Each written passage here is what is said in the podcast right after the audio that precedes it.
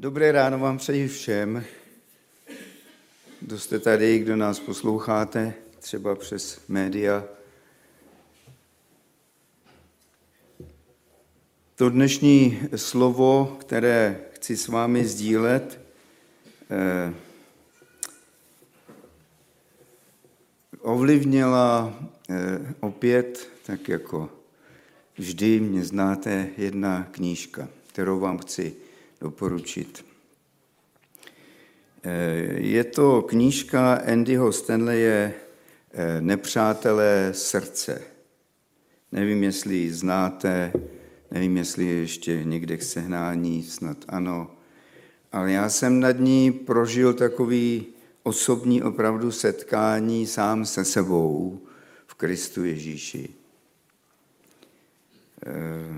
Tahle kniha popisuje čtyři eh, nepřátele, které, kteří eh, zatvrzují naše srdce, kteří ho, kteří ho činí takovým tvrdším a tvrdším, až když bychom to nechali a nic s tím nedělali, stvrdne úplně.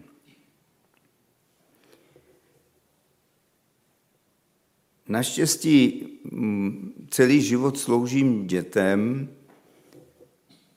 už to bude skoro 40 let. A ty mě naučili dvě věci. První věc je, že mezi nima se nedá stárnout. To je to pozitivní. A to druhý, co mě naučili, že před dětmi si nemůžete na nic hrát.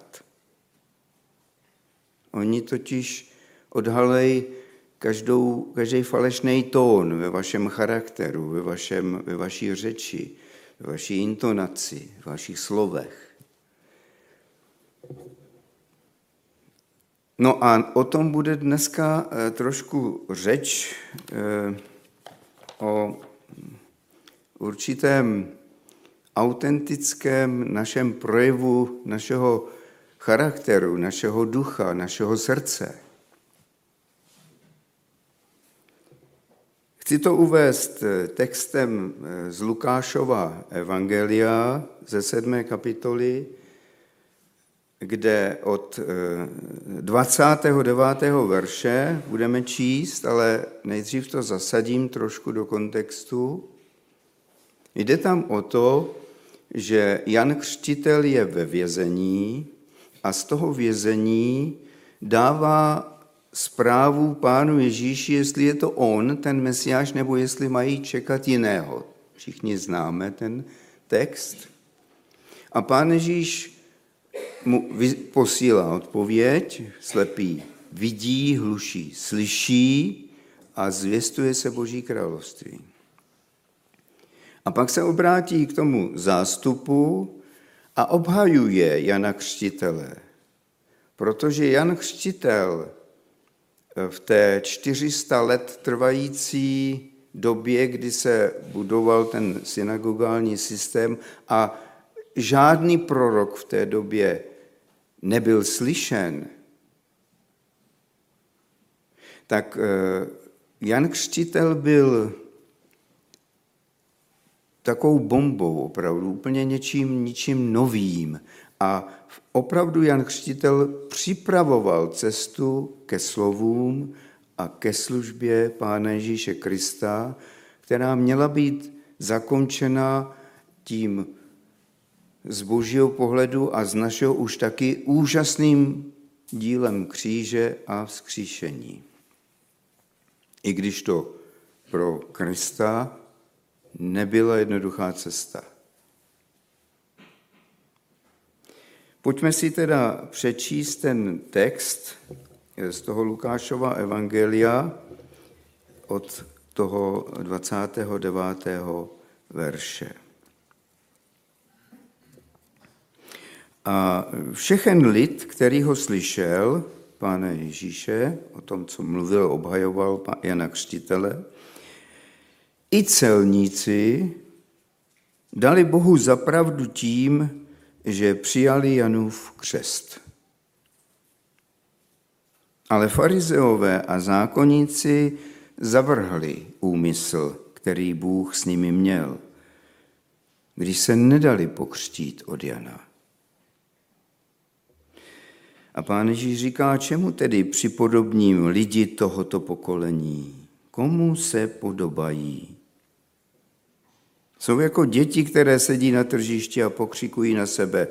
Hráli jsme vám a vy jste netancovali. Naříkali jsme a vy jste neplakali.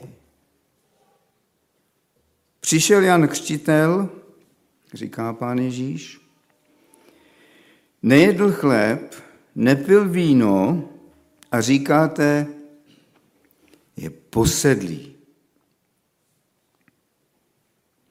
Přišel syn člověka, jí a pije a říkáte, hle, milovník hodu a pitek, přítel celníků a hříšníků. Ale moudrost je ospravedlněna u všech svých dětí.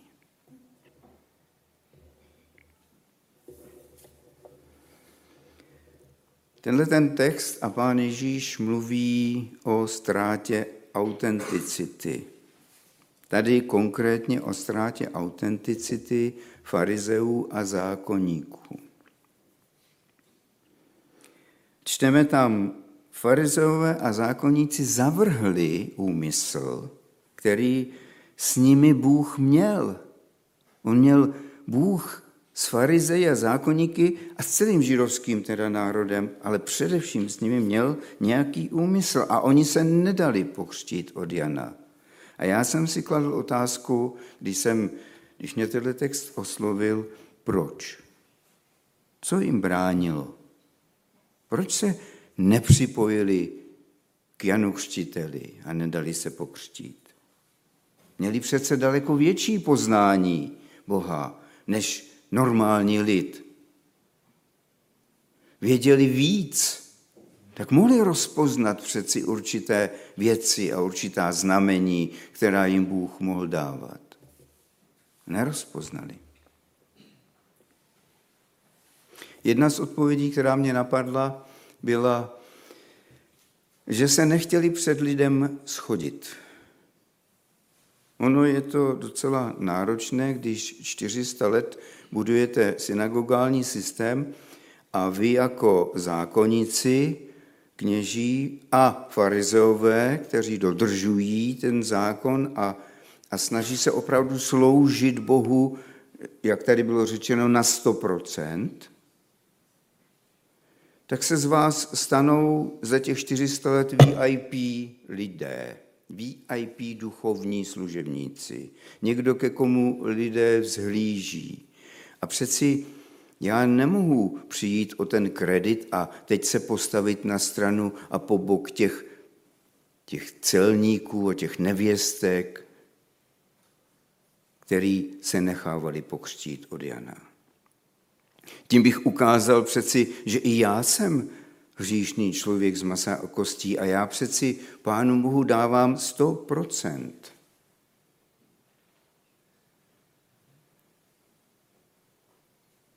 ztratili za těch 400 let autenticitu před Bohem i před lidmi, takže nepoznali v Kristu Mesiáše, o kterém velice dobře věděli, že má přijít. Čtyři nebezpečí, jak ztratit autenticitu ve vztahu k lidem i k Bohu a zatvrdit Svoje srdce popisuje i tato kniha, nad kterou jsem prožil určitou katarzi, se přiznávám, a která mě hluboce oslovila. Tato kniha a Andy Stanley eh, popisuje v celé té knize, by se dalo říct jedním slovíčkem, dluh. Mluví o dluhu. A já už jsem tady měl tu, tu sérii těch kázání o těch předložkách, jestli si vzpomínáte, to pod, nad, pro a od Boha. A ono to s tím hodně souvisí. ten život pod Bohem, který měli farizové a zákonníci, kteří si ještě vymysleli k tomu několik set svých vlastních přikázání nad ta boží, aby byli echt, pravověrní, aby opravdu teda dokázali Bohu, že na 100% mu důvěřují a chtějí plnit všechno to, co on přikázal. Takže měli pocit, že Bohu dluží něco a že mu to pořád musí vrátit svým farizejským chováním. No, farizeové a zákonníci v té době Pána Ježíše Krista, to nebylo nic zavržení hodného. To, kdyby jsme my žili v té době, tak by jsme čučeli, jak oni opravdu eh, dokázali eh, Pánu Bohu dát to, co mu patří. Oni jenom ztratili autenticitu toho, co měli předávat tomu lidu izraelskému. Ty čtyři dluhy, kolem kterých se eh, ta kniha točí, jsou někomu něco dlužím já. To je první dluh. Někdo něco dluží mně, to je druhý dluh. Třetí dluh, o kterém dneska a o čtvrtém nebude řeč, to si nechám na příště, až se někdy sejdeme, je dlužím si, dlužím sám sobě něco. A poslední dluh je, život mi něco dluží. A nebo dokonce my křesťané můžeme říct, Bůh mi něco dluží. Já se budu věnovat dneska těm prvním dvěma předložkám pod a nad. V podstatě s tím souvisí tyhle předložky. A to je ten dluh, že někdo mě dluží a já někomu dlužím. K tomu potřebujeme jeden příběh. Je to já až tě teda, než budu pokračovat, tak ty dluhy, eh, asi bych vás nenadil na tuhle tu knížku, kdybych neřekl k tomu A také B. Ty dluhy souvisejí s těmi nepřáteli srdce tím, že když já někomu, když mě někdo něco dluží, tak prožívám hněv. Vztek, že mě to dluží a že mě to nevrací a že mě to měl vrátit už dávno a dokonce se bojím v tom svém hněvu, že by mě to nemusel nikdy vrátit. No a když já někomu dlužím, tak prožívám zase pocit viny. No a ty dvě další, když si něco dlužím, tak to může vést k tomu třetímu nepříteli srdce a to je chamtivost. Něco si dlužím, tak potřebuju si si dopřát, ne? A ten poslední dluh, když život mi něco dluží, no tak co si od života vemete?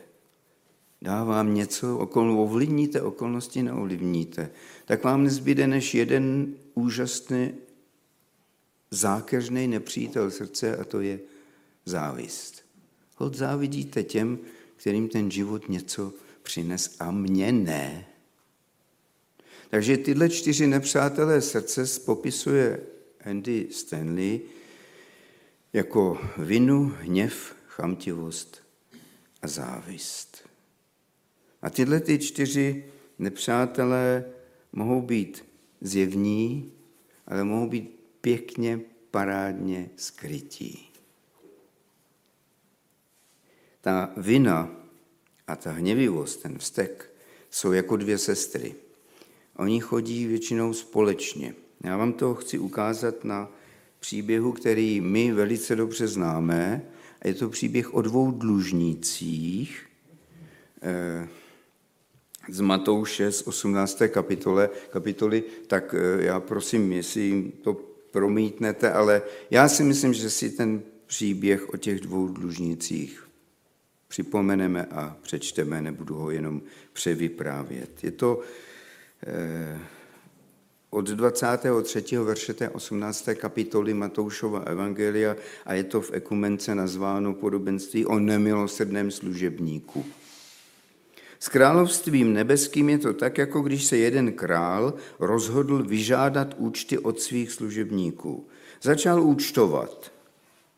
Přivedli mu jednoho, který mu byl dlužen mnoho tisíc hřiven. Protože mu je nemohl vrátit, rozkázal ho pán prodat i se ženou, s dětmi a se vším, co měl, a nahradit ztrátu. Tady jenom odbočím malinko, zastavím se. Dluh, kterými, kterým my někomu něco dlužíme, se netýká většinou jenom nás, ale zasahuje celé rodiny a možná i celá společenství. Takže budu pokračovat. K tomu ten služebník padl k nohám a na kolenou prosil, měj se mnou strpení, všechno ti vrátím. Pán se ustrnul nad oním služebníkem, propustil ho a dluh mu odpustil. Sotva však ten služebník vyšel, potkal jednoho ze svých spoluslužebníků, který mu byl dlužen sto denárů, jenom sto denárů. Chytil ho za krk a křičel, zaplať mi, co jsi dlužen. Jeho spoluslužebník mu padl k nohám a prosil, měj se mnou strpení a zaplatím ti to. On však nechtěl, ale šel a dal ho do vězení, dokud nezaplatí dluh. Nechtěl odpustit. Když jeho spoluslužebníci viděli, co se přihodilo, velice se zarmoutili. Šli a oznámili svému pánu všecko, co se stalo. Tu ho pán zavolal a řekl mu, služebníku zlý, celý tvůj dluh jsem ti odpustil, když jsi mě prosil. Neměl ses také ty smilovat nad svým spoluslužebníkem, jako jsem se já smiloval nad tebou? A rozhněval se jeho pán a dal ho do vězení, dokud nezaplatí celý dluh. A tady nakonec pán Ježíš, který tenhle ten příběh uváděl proto, protože se ho Petr ptal, kolikrát má v životě odpustit. A pán Ježíš a říkal sedmkrát a pán Ježíš říká sedmdesát, sedmkrát pořád budeme muset odpouštět. Bez odpuštění, říká Pán Ježíš, se nikam nepohneme. A vykládá tenhle ten příběh o těch dvou dlužnících a nakonec řekne úplně něco, co, co je bomba pro ty posluchače, ale i pro nás. Poslouchejte. Tak bude jednat s vámi i můj nebeský Otec, jestliže ze srdce neodpustíte každý svému bratru. Ze srdce neodpustíte každý svému bratru. A z tvrdého srdce, které už dávno nerozpoznalo ty čtyři nepřátelé, hněv, vinu, chamtivost a závist, a nechalo se jimi natolik zatvrdit, tak tohle srdce odpustit neumí. A je ve velikém nebezpečí, že tak bude jednat s vámi i můj nebeský Otec. No a ke mně to velice mluvilo, protože Andy Stanley tam nemluví o takových eh, veřejně známých kliše, které my známe, ty křesťanská, taková ta, ta, ta, ta křesťanská už naše mluva, ta kananejština, ta je toho plná. Máme odpouštět a, a my to dobře víme všichni. Ale co máme odpouštět? Víme vůbec, co mám odpustit? Nebo komu mám odpustit? Možná ten pocit oddlužení, ten náhlý pocit toho odbřemenění, možná to znají lidé, kteří prožili exekuce a teď mají milostivé léto a, a byly jim odpuštěny ty ohromné dávky peněz, který, který s jim narostly v té exekuci. Tak znají tenhle ten pocit svobody. Teď zase budu muset moc vydělávat a nebude mě to nikdo brát, stát mě to nebude brát na exekuce, ale budu svobodný. Tak tenhle pocit možná měl ten dlužník z toho oddlužení, no jo, jenže viděl svého spoluslužebníka a tenhle pocit nadřazenosti, ty svobody, že teda eh, je něco víc najednou než on, který mu dluží 100 denárů, ho možná vedl k tomu, že vstekle, hněvivě, jak jsme četli, ho nechal uvrhnout do vězení. Zkrátka, jinými slovy, bez křesťanského kliše, jiný metr na sebe a jiný metr na druhý. Známe to všichni velice dobře. Ty dvě sestry, které spolu chodí, vina a hněv, jsou někdy skrytý.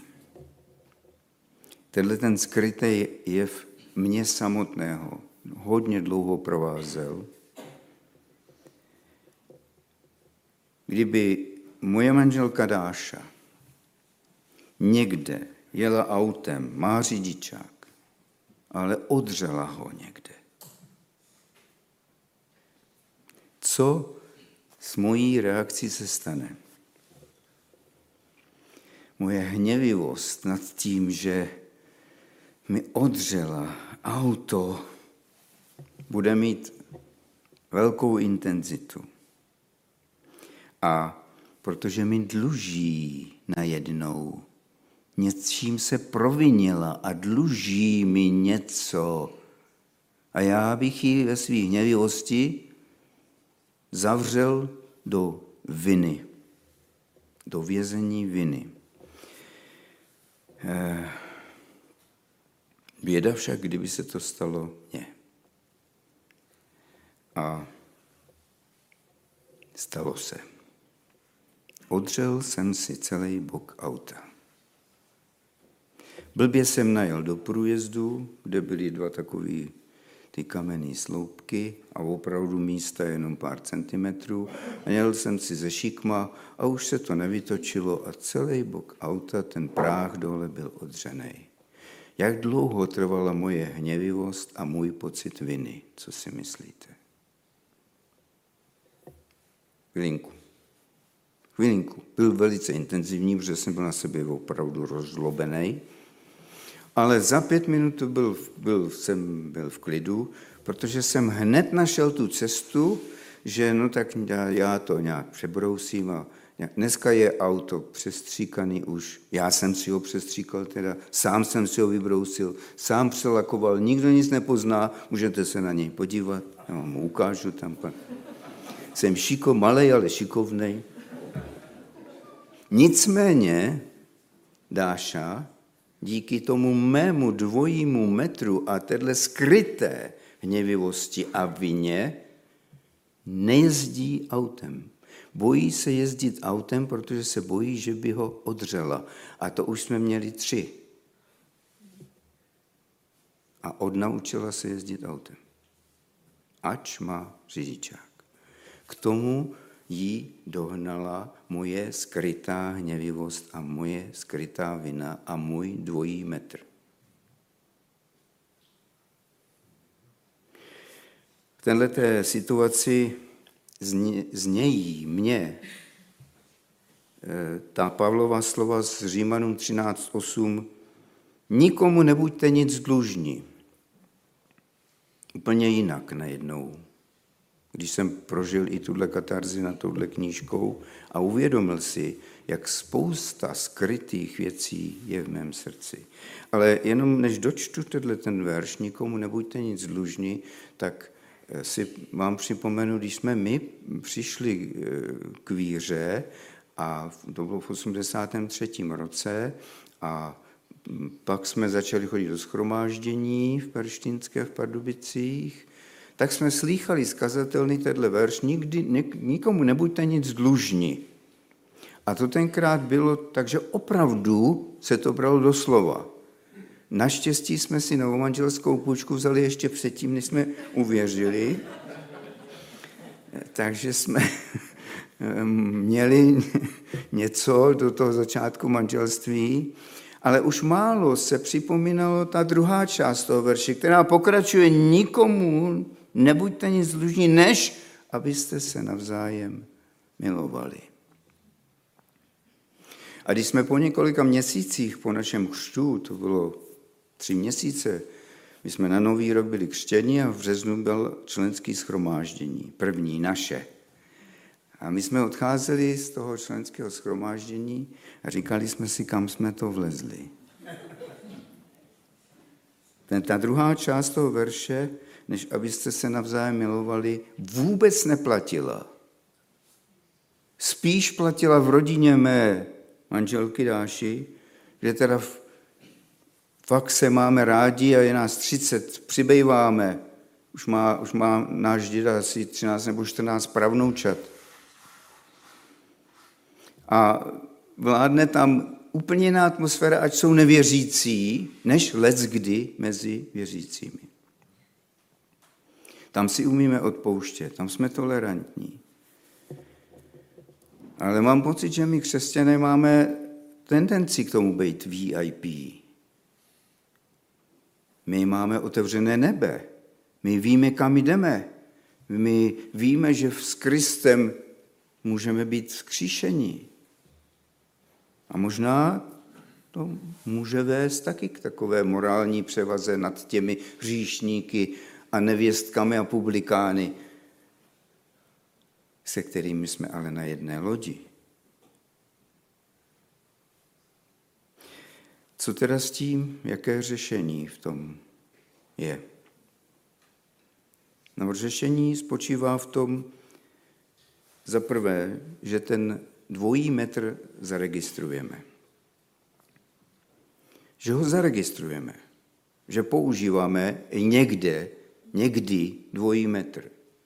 Za druhé, že si ho přiznáme. A za třetí, že poprosíme za odpuštění toho, na, které, na koho ten dvojí metr uplatňujeme. To odpuštění, ta omluva, to učíme už naše děti.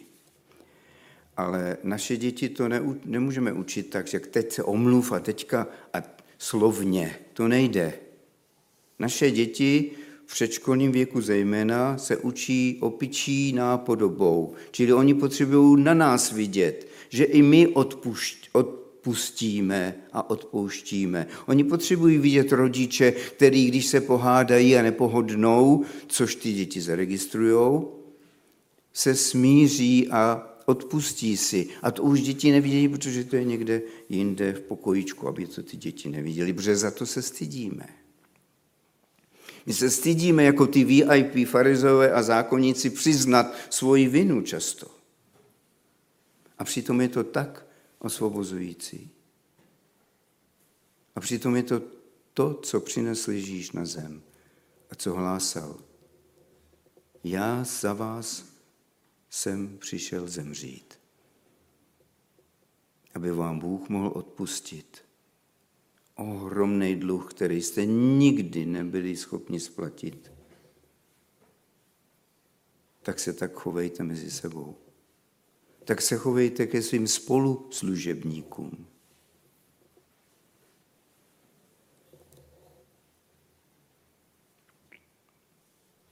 Komu se málo odpouští, málo miluje Šimone. Tato slova padla v tom domě Šimona Farize, kde jsme četli ten začátek toho výkladu té obhajoby Jana Křtitele. Protože Šimon byl farizeus a Ježíš v jeho domě prožil něco, co vy všichni znáte z toho příběhu. Že přišla žena hříšnice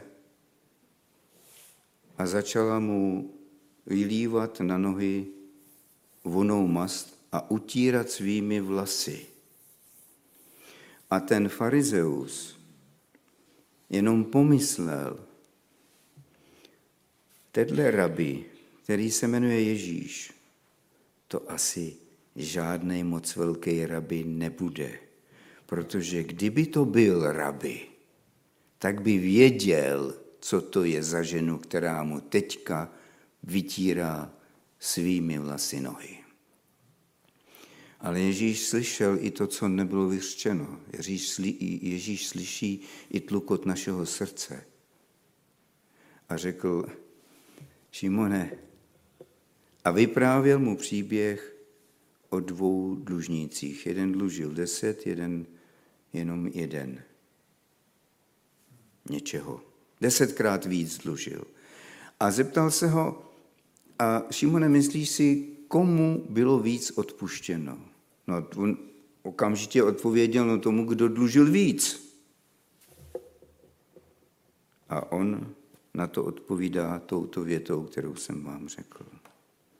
Komu se málo odpouští, málo miluje. Šimone. Slyšeli jste v písmu někdy, že by farize jmenoval jménem? To je výjimečné místo, kdy farize jmenuje jménem.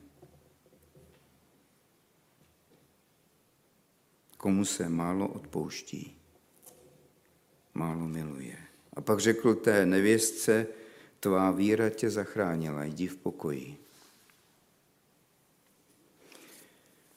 My máme tu cestu, kterou máme v Kristu danou tím, že jsme v něm, že se odvážíme vůbec vyslovit tu teologickou větu, tu, tu, tu teologickou tu věroučnou věc, že jsme v Kristu a že v Kristu budeme vzkříšeni, protože jsme v něm skryti, tak jak jsme zpívali, skálo v sobě mě skryjí. A my víme, kdo to zpíval, Dietrich Bonhoeffer před smrtí. Ale taky, že Kristus je v nás. To je dvojí. My jsme v něm a Kristus je v nás, podle Filipským a Efeským a všude to v písmu máme napsáno. A můžeme si dovolit vůbec říct, že v nás je Kristus, když neumíme odpouštět,